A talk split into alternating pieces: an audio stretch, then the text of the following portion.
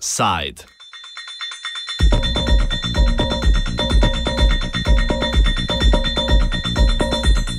Fragmentacija irskega političnega prostora.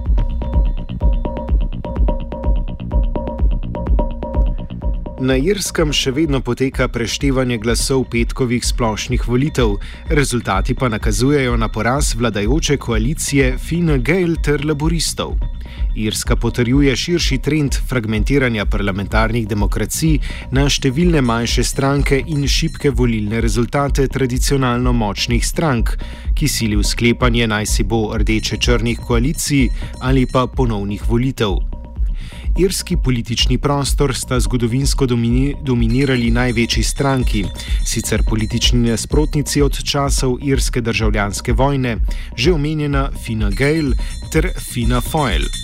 Po trenutnih rezultatih sta skupaj osvojili le približno polovico vseh glasov, sledita ima Sinn Fein ter laboristi, večino preostalih 30 odstotkov glasov pa je pripadlo manjšim strankam ter neodvisnim kandidatom, kar kaže na nezaupanje v uveljavljene politične elite.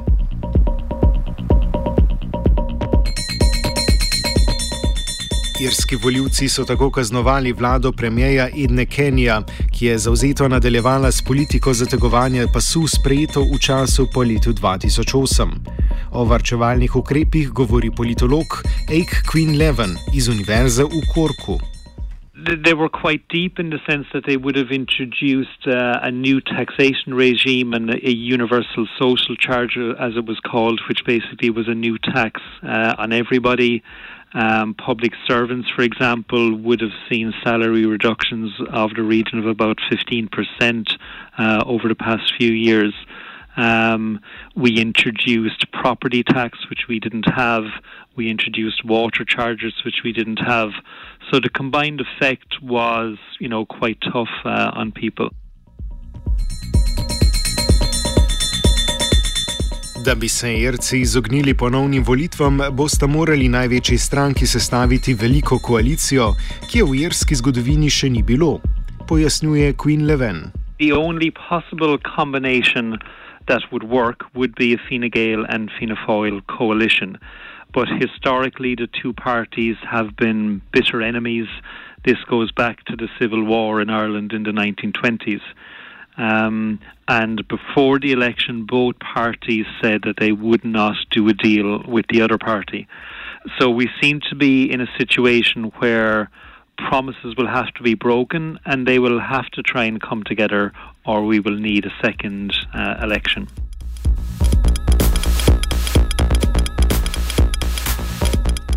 Fina Foyle je v predvolilnem času prevzela nekoliko bolj socialno retoriko levice, da bi povečala priljubljenost ter se oddaljila od politike vrčevanja, ki jo je sama zagovarjala v času vladanja.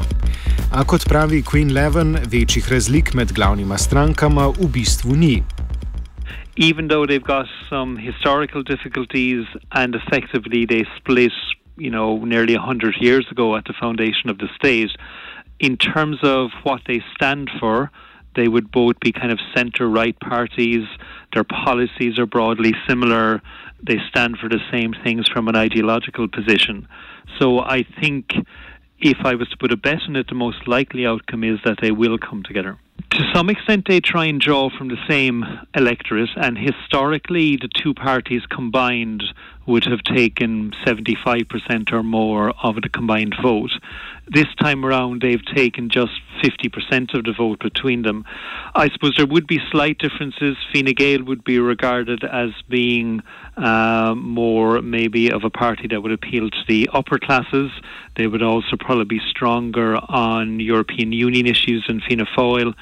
Fianna Fáil would be regarded as a kind of a broad church in the sense that they would like to think that they appeal to everybody um, and maybe have kind of some socialist tendencies more than Fine Gael. But certainly, I mean, the government that we have just had was Fine Gael and Labour, so they would have formed a coalition crossing right wing and left wing. So you know anything can can happen. We don't have a system that is very much defined by ideological differences anyway.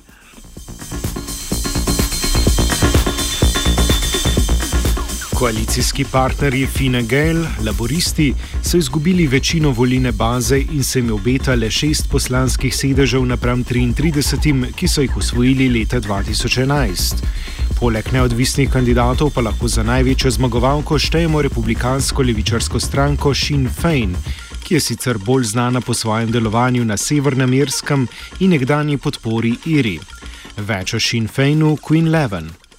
I would say that Fianna Fáil and Fine Gael are, are very fearful of Sinn Féin. Um, and one of the issues now is that Sinn Féin are arguing that Fianna Fáil and Fine Gael should come together, and I think it's quite a clever strategy in that what Sinn Féin I think is is they're playing a longer game.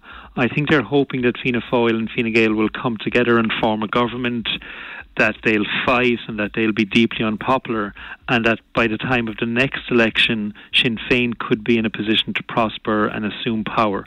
Whereas I think Sinn Féin recognises now that if it went into power with either Fianna Fáil or Fine Gael, you know that they would suffer. Apart from the fact that they're fundamentally different in what they believe in anyway.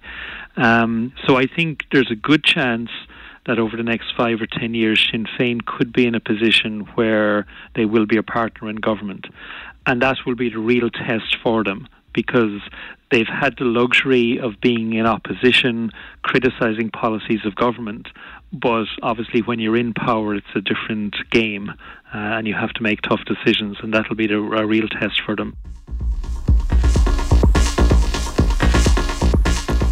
Za razliko od ostalih držav evropske periferije, ki jih je močno prizadela gospodarska kriza, pa na Irskem ni čutiti močne prisotnosti novih levih strank, ki bi odkrito nasprotovale vrčevanju.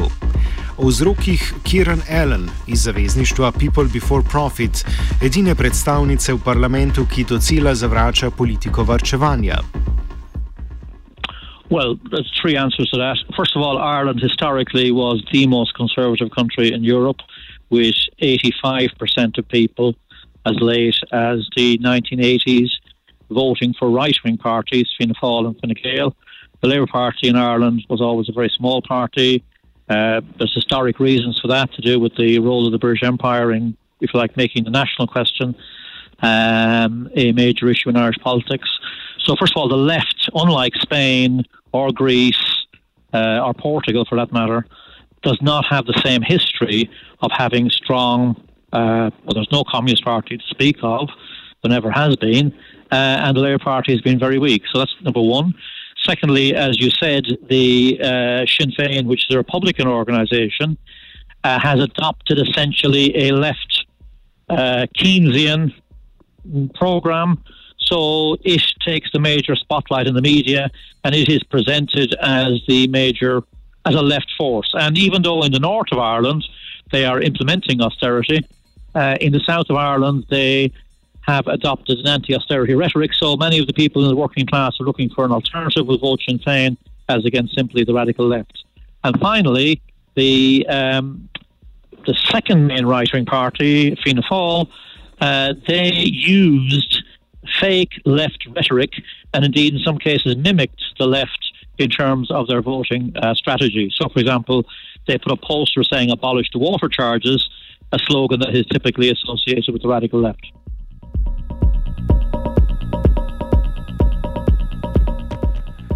Quinlivan razlog za slabše volilne rezultate novih levih strank vidi druge. I think it's probably because they've they're splintered in the sense that we have a grouping called the Anti Austerity Alliance People Before Profit. But we also have a lot of independent candidates who would have been running on the same platform. And of course, Sinn Féin would also be running on the basis of being an anti austerity uh, party. So I think there was a strong vote which was anti establishment and anti austerity. But the left of the spectrum in Ireland is very fractured. Z ekonomskega stališča se zdi, da je bila Kenijeva vlada uspešna v izboljševanju gospodarskih trendov. Gospodarska rast Irske je v preteklih dveh letih bila najvišja v evroobmočju, a so ljudje kljub temu vlado kaznovali na voliščih. Queen Leven o možnih razlogih. It's probably a combination of reasons, and I think the government probably was unfortunate in that when they came to power in 2011, they inherited a very bad economic situation and seemed to have done quite a good job of turning it around. Unfortunately, I suppose to turn the economy around, they had to introduce policies of austerity. Um, and clearly, you know, they wouldn't normally be popular policies. And I think one of the issues is that the government campaigned on the basis of let's keep the recovery going. But while our macroeconomic position seems to have improved and the indicators are showing that, you know, we're one of the fastest growing economies in Europe, this recovery hasn't been felt necessarily by people um, as yet in terms of unemployment and what they see in their pay packets every week. So I think there was a disconnect there that the government was talking about keeping a macroeconomic situation on an upward curve, and people at home were saying, well, we don't feel any recovery. Nekoliko drugačen pogled na rast bruto domačega proizvoda predstavlja Ellen, ki pojasni razliko med bruto domačim proizvodom ter bruto družbenim proizvodom.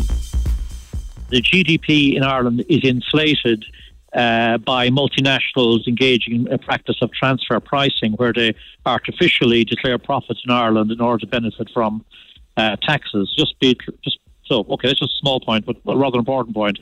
Secondly, the GNP has just about uh, gone back to where it was at the start of the crash, 2008. So they make great play and make great propaganda, but there hasn't been a spectacular recovery. There has been some recovery, um, uh, but the benefits of that recovery have not been seen by the majority of working class people.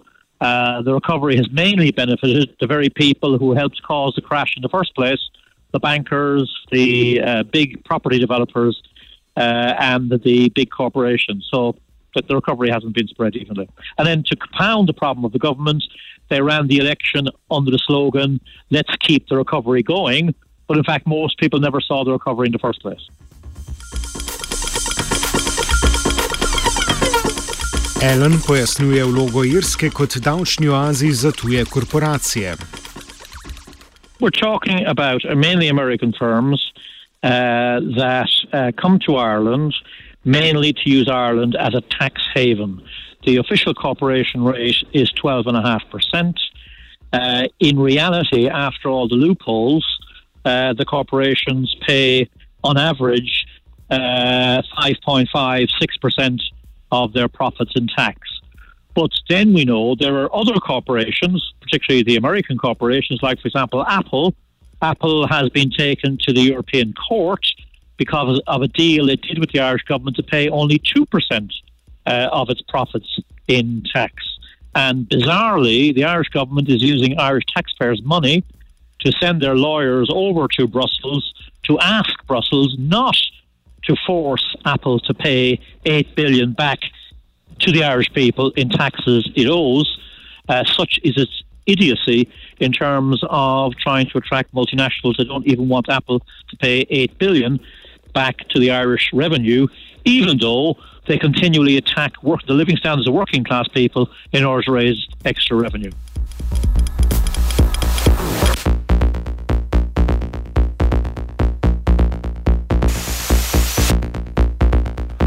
Offside je pripravil Antun.